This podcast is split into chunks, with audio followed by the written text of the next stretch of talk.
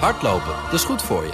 En Nationale Nederlanden helpt je daar graag bij. Bijvoorbeeld met onze digitale NN Running Coach... die antwoord geeft op al je hardloopvragen. Dus, kom ook in beweging. Onze support heb je. Kijk op nn.nl slash hardlopen.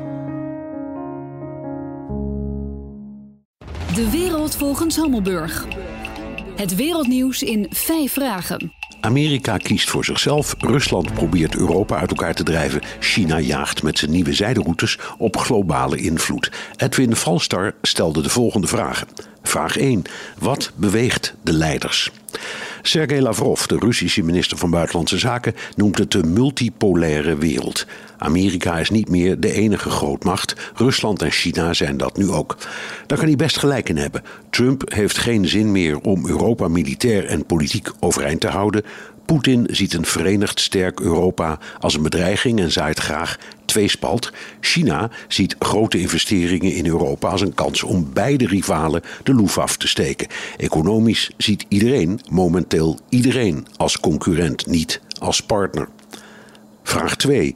In hoeverre worden ze gedreven door hun achterban? Dat speelt zeker een rol. De aanhang van Trump vindt dat Amerika door Rusland, China en Europa op achterstand is gesteld. Vandaar de tarieven tegen Europa en China en vandaar de minachting voor de NAVO-partners die weinig in defensie steken.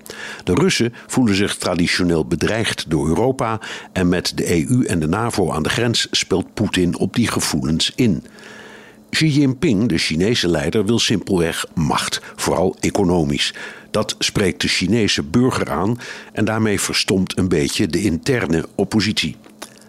Vraag 3. Versterken deze acties elkaar? Ik denk van wel. Het innemen van eilandjes door China in de Zuid-Chinese Zee, de annexatie van de Krim door Rusland, de Amerikaanse tarieven, dat alles zet de relatie enorm op scherp. Vooral omdat we te maken hebben met drie behoorlijk megalomane leiders. Vraag 4. Wat zijn de gevolgen vooral voor Europa? Defensie-expert Frank van Kappen heeft het over een nieuw Jalta. Hij refereert aan de conferentie aan het eind van de Tweede Wereldoorlog, toen de Sovjet-Unie, de Verenigde Staten en Groot-Brittannië de wereld verdeelden, vooral Europa. Europa dreigt nu haar invloed in Oekraïne, Georgië en de kleine staatjes in die regio kwijt te raken aan Rusland. China blijft azen op hegemonie in de Zuid-Chinese Zee. Vraag 5. Gaan ze geheel of gedeeltelijk slagen? Dat hangt af van die andere grootmacht die het allemaal laat gebeuren door gebrek aan eenheid, Europa. Een vuist maken tegen de Chinese zijderoutes is best mogelijk. Rusland blokkeren in Oost-Europa kan ook beter. Amerika afremmen in een handelsoorlog, ook dat kan best. Maar de Europese landen denken niet aan Europe First, maar aan hun Germany First, France First en the Netherlands First. Daardoor zijn wij de verliezers. Dank Edwin Valstar. In de wereld volgens Hammelburg beantwoord ik elke zaterdag vijf vragen over een internationaal thema. Hebt u een onderwerp? Stuur dan een mail naar onlineredactie.bnr.nl.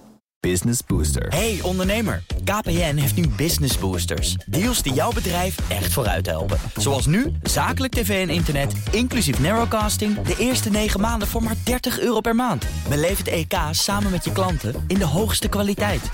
Kijk op kpn.com businessbooster. Business Booster.